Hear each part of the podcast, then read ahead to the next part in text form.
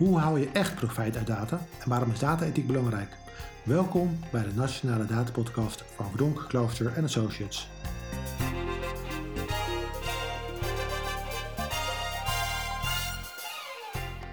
Welkom bij de Nationale Datapodcast, de podcast met inspirerende gasten en inzichten over het gebruik van data, algoritmes en artificiële intelligentie in de publieke sector. Mijn naam is Christian Vagen en mijn gast vandaag is Erik Beulen, hoogleraar aan de Universiteit van Tilburg binnen TIAS Business School verantwoordelijk voor een Executive Master of Science over digitale transformaties en voorzitter van XBRL Nederland. Welkom. Dankjewel, uh, Christian. Heel fijn om je te gast te hebben, uh, Erik. Uh, niet in de laatste plaats omdat je recent een, uh, zeer interessant onderzoek hebt gedaan naar datagedreven leiderschap bij zowel de overheid als bij bedrijfsleven.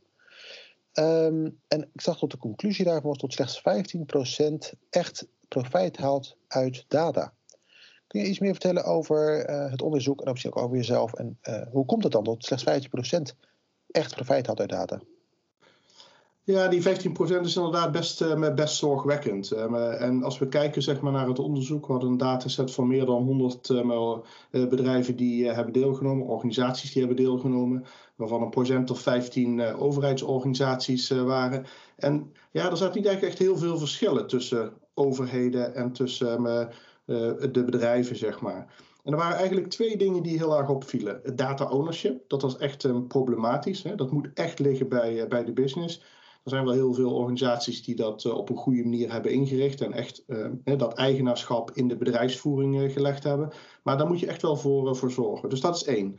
Twee, wat we ook zagen is dat ook die datakwaliteit gewoon nog niet goed was. Er zijn nog heel veel organisaties en we hebben dat uitgevraagd op een Likert-schaal van 1 tot 7 die nog ja, zeg maar net uh, de, de vier aantikken. En gewoon nog organisaties die op uh, een heel laag volwassenheidsniveau zitten, 1 tot en met 3. Ja, dat is toch echt heel moeilijk om dan data gedreven te gaan, maar gaan werken. Dus daar, ja, en die twee punten, datakwaliteit um, en data-eigenaarschap, ja, daar moeten we wel um, als, um, als organisatie mee aan de slag. Ja, en dan hebben we nou, data-eigenaarschap, data-kwaliteit, dan hebben we het ook over data-management. Um, hoe, kijk je naar het vakgebied van datamanagement en, en in welke mate kan het dan bijdragen aan uh, ja, zorgen tot, tot organisaties toch meer profijt uit data gaan halen? Ja, ook daar hebben we het onderzoek naar, uh, naar gekeken. Data management is uh, ja, zeg maar de orchestrator van um, deze twee, twee punten, van data-eigenaarschap en van datakwaliteit. En we zien dat organisaties daar uh, druk mee bezig zijn. Hè?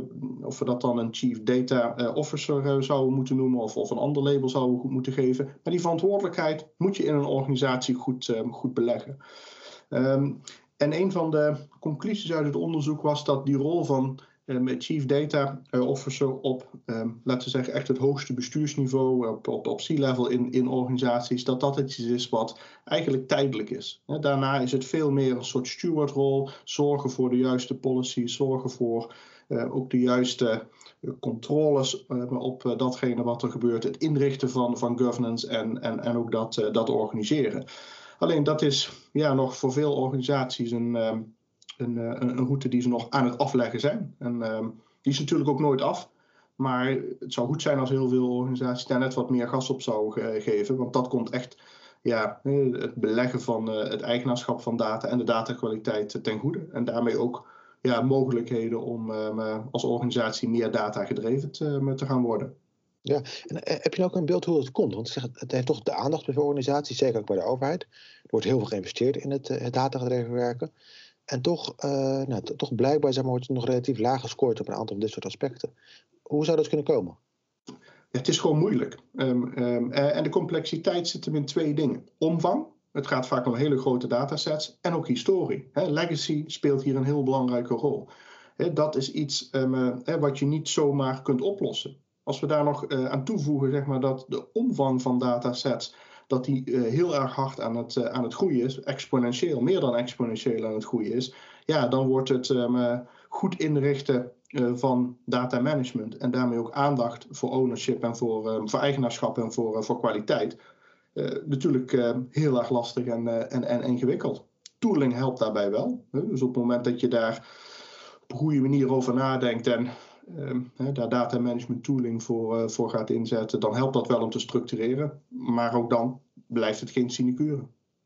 Oh dus het, tooling zou kunnen helpen, met name om te denken, nou, in kaart te brengen welke data hebben we bijvoorbeeld voor de kwaliteit, et cetera. Wat zijn andere misschien wel lessen die je kunt leren van wellicht organisaties die hier wel goed op scoren? Of uh, eigenlijk is de vraag, wat, wat zouden we moeten doen? Ja, kijk, ik denk um, aandacht uh, besteden aan uh, de ontwikkeling van de organisatie. Dus zorgen dat mensen zich daar bewust van zijn, ook het, het, het bieden van opleidingen en trainingen. Maar het zit hem ook veel meer in de vraag van ja, god, hoe ga je nou um, om met dat data-eigenschap en, die datakwaliteit? Daar zul je gewoon verbeterprogramma's voor, voor moeten inzetten om dat op een goede manier te, laten, te laten werken.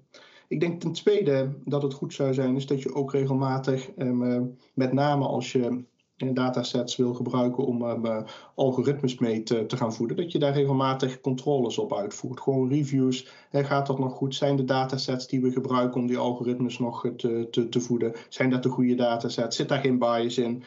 Echt een belangrijk onderdeel. We zien natuurlijk een aantal overheden dat um, ja, we daar toch best wel wat, wat issues hebben. Reviews helpen daar denk ik heel erg aan.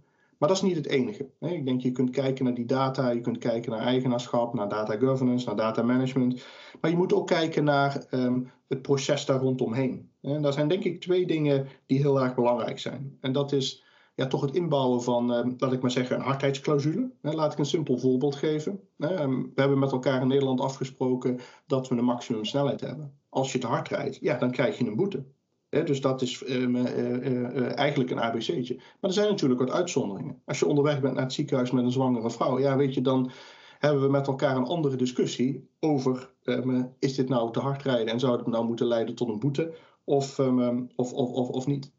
Ik denk ook dat je daarnaast, zeg maar, naast het inbouwen van zo'n hardheidsclausule ook uh, zou moeten zorgen dat je wat governance daar rondomheen bouwt, die burgers helpt om op het moment dat um, System says no, er toch um, met elkaar um, een dialoog over te kunnen aangaan. Ik denk op het moment dat je dat soort dingen inbouwt, dat je met data en datagedreven werken hele grote stappen zou moeten kunnen zetten.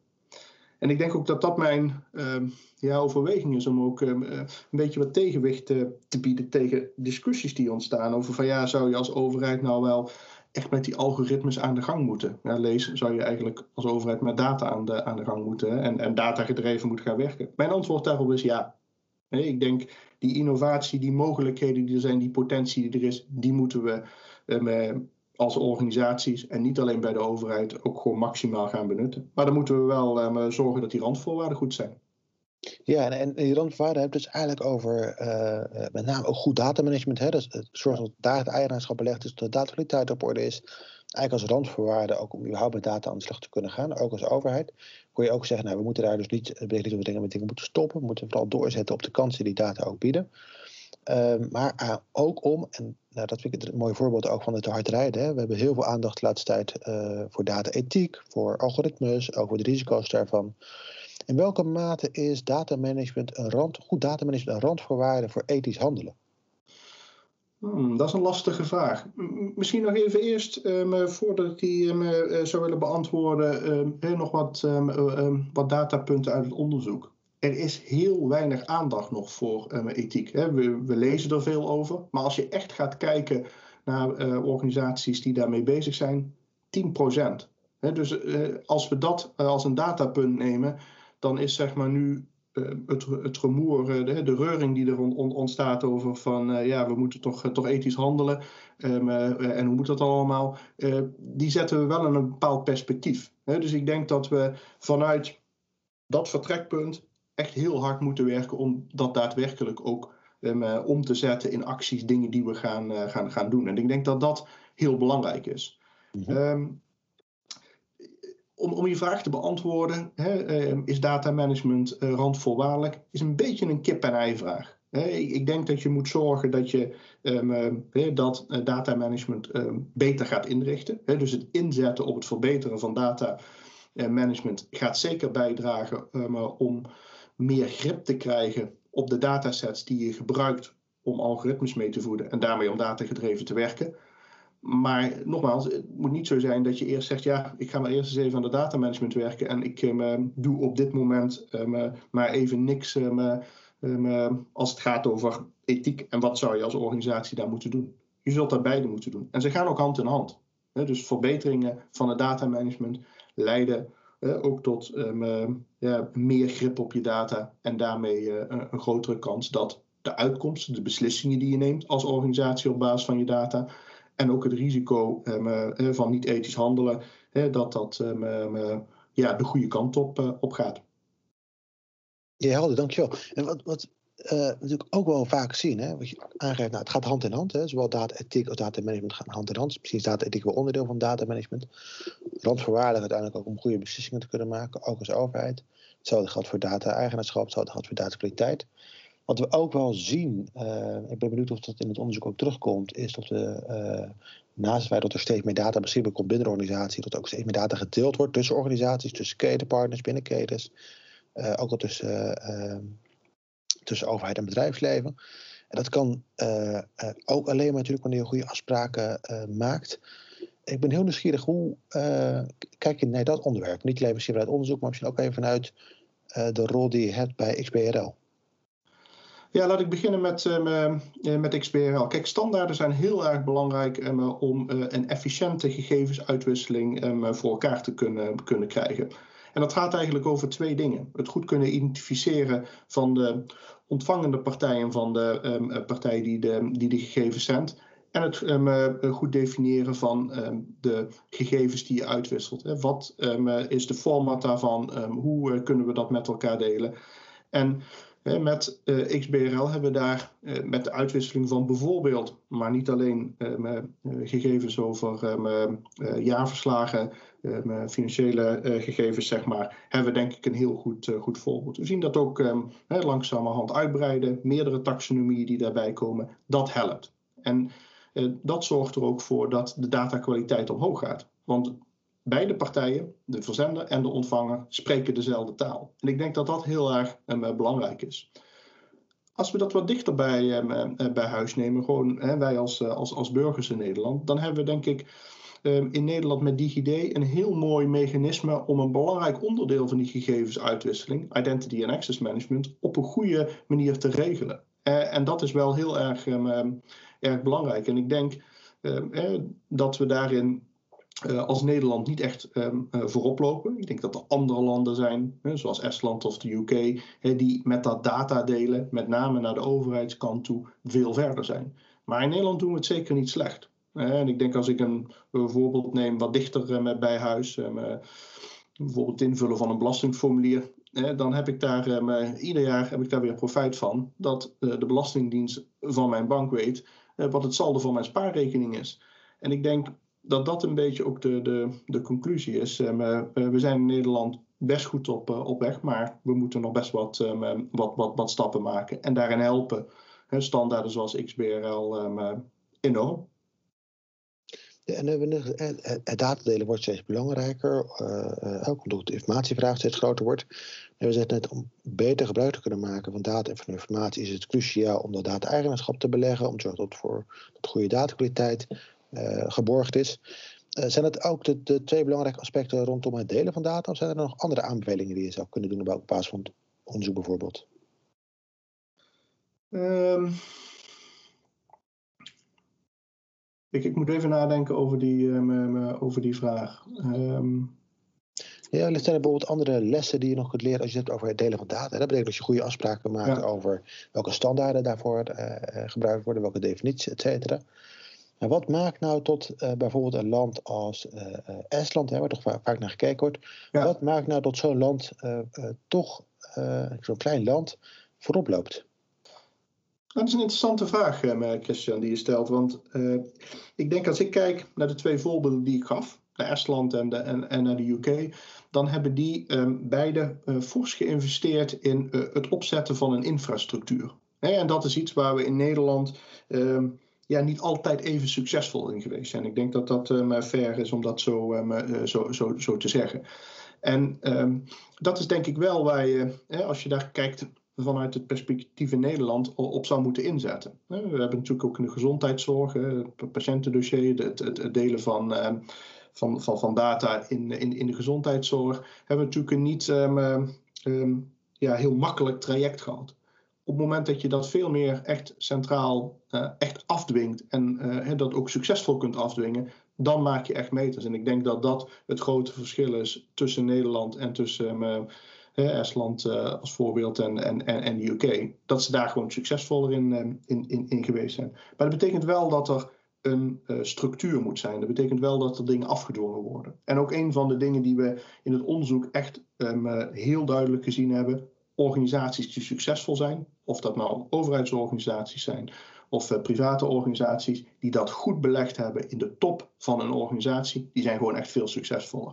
En ik denk dat hier ook een beetje geldt. In Nederland um, ja, polderen misschien een beetje te veel. Um, is doorpakken soms best, um, best lastig. Ja, dat, dat gaat in een klein land als Estland en in een toch wat meer centraal geleid land als, als de UK, UK, althans op dit, dit gebied, kennelijk een stukje beter. Ja, interessant. En ik hoor je eigenlijk zeggen, er zijn nou, alles samengevat drie belangrijke aspecten, denk ik, waar we, de drie belangrijke lessen waar we ander, aandacht voor moeten hebben. Dat zit op het vlak van data management, waaronder dus data-eigenschap, data-kwaliteit. Uh, dat zit op het vlak van uh, de infrastructuur. Hè, zorgen dat we ook een goede datalaag hebben om bijvoorbeeld data ook te kunnen delen onderling. Een derde aspect wat je net aanstipt, dat zit veel meer op de data governance. Het beleggen ook van die CDO-rol bijvoorbeeld. Of in ieder geval het beleggen ook van de verantwoordelijkheden ten aanzien van, van data. Ook als een belangrijke succesfactor binnen organisaties. Um, ja, misschien een, als ik nog, nog mag aanvullen, sorry dat ik dan nog. Graag. Ja, want um, iets anders wat we ook gezien hebben in, de, uh, in het onderzoek dat we gedaan hebben, is dat um, echt um, het cultuuraspect, hè, een datagedreven mindset, dat dat wel echt heel erg belangrijk is. dus als je het dan hebt over verandermanagement, over echt met je organisatie daar op een heel bewuste manier mee, mee omgaan, dan is dat ook nog wel iets in combinatie met uh, wat is uh, de tone of the top, uh, iets waar we echt, waar echt iets mee, mee zouden, zouden moeten. En dat kost ook tijd, hè, maar dat is wel de beweging die we moeten blijven volgen. wat zijn de kenmerken van een datagedreven cultuur? Kenmerken van een datagedreven cultuur zijn is, is dat je voor iedere beslissing die je neemt, zorgt dat je de juiste dataset hebt. En er zijn eigenlijk een twee soorten beslissingen die je um, um, zeg maar in een organisatie ziet. De uh, beslissingen waar we eigenlijk uh, in dit interview het meest over gesproken hebben binnen de processen. Dus je hebt een herhalend besluit wat je zou, zou moeten nemen. Daar moet je goede algoritmes hebben die je daarbij ondersteunen. En het tweede is, als je, laten we zeggen, een investeringsbeslissing moet nemen, een beleidsbeslissing moet nemen, dat je daar um, de juiste data bij hebt en dat je je daardoor laat, um, laat leiden. Weg van het onderbuikgevoel. Het onderbuikgevoel um, uh, toepassen op harde data die je hebt en op basis daarvan juiste beslissingen nemen. In het proces, maar ook uh, ja, zeg maar, die investeringsbeslissing of die beleidsbeslissing. Ja, helder, dankjewel. We moeten zorgen voor een goede datagedreven mindset, een goede datagedreven cultuur binnen een organisatie. Uh, om daadwerkelijk ook die, die kansen van data, hè, dat profijt waar we het eerder over hadden, daadwerkelijk te realiseren. Naast dat we nou zorgen voor uh, zaken als data management en data governance. Als zijn dat de belangrijkste conclusies. 100% mee eens. Dankjewel. We komen ook een beetje aan het einde van deze podcast, uh, helaas alweer. Okay. En nou, zo, zoals je licht weet, aan het einde van de podcast vragen we altijd uh, aan onze gast wie zouden we nou ook voor een volgende podcast moeten uitnodigen. En ik wil die vraag ook graag aan jou stellen. Nou, dankjewel voor die, um, voor die vraag. Ik denk dat het uh, goed zou zijn om uh, ook eens te kijken wat uh, overheidsorganisaties zouden kunnen leren van lessen die er in het bedrijfsleven getrokken zijn. Dus mijn suggestie zou zijn: laten we een, voor een volgende spreker iemand uitnodigen voor het bedrijfsleven. Mag ik daar nog ehm, bij jou op terugkomen en je nog een, een suggestie doen um, na deze um, podcast, dan um, ja, zou dat denk ik een mooie aanvulling kunnen zijn op de gasten die je tot nu toe uh, geïnterviewd hebt. Zeker, heel graag. Dankjewel. Het lijkt me net een hele mooie aanvulling. Dank okay. voor je tijd. Graag gedaan.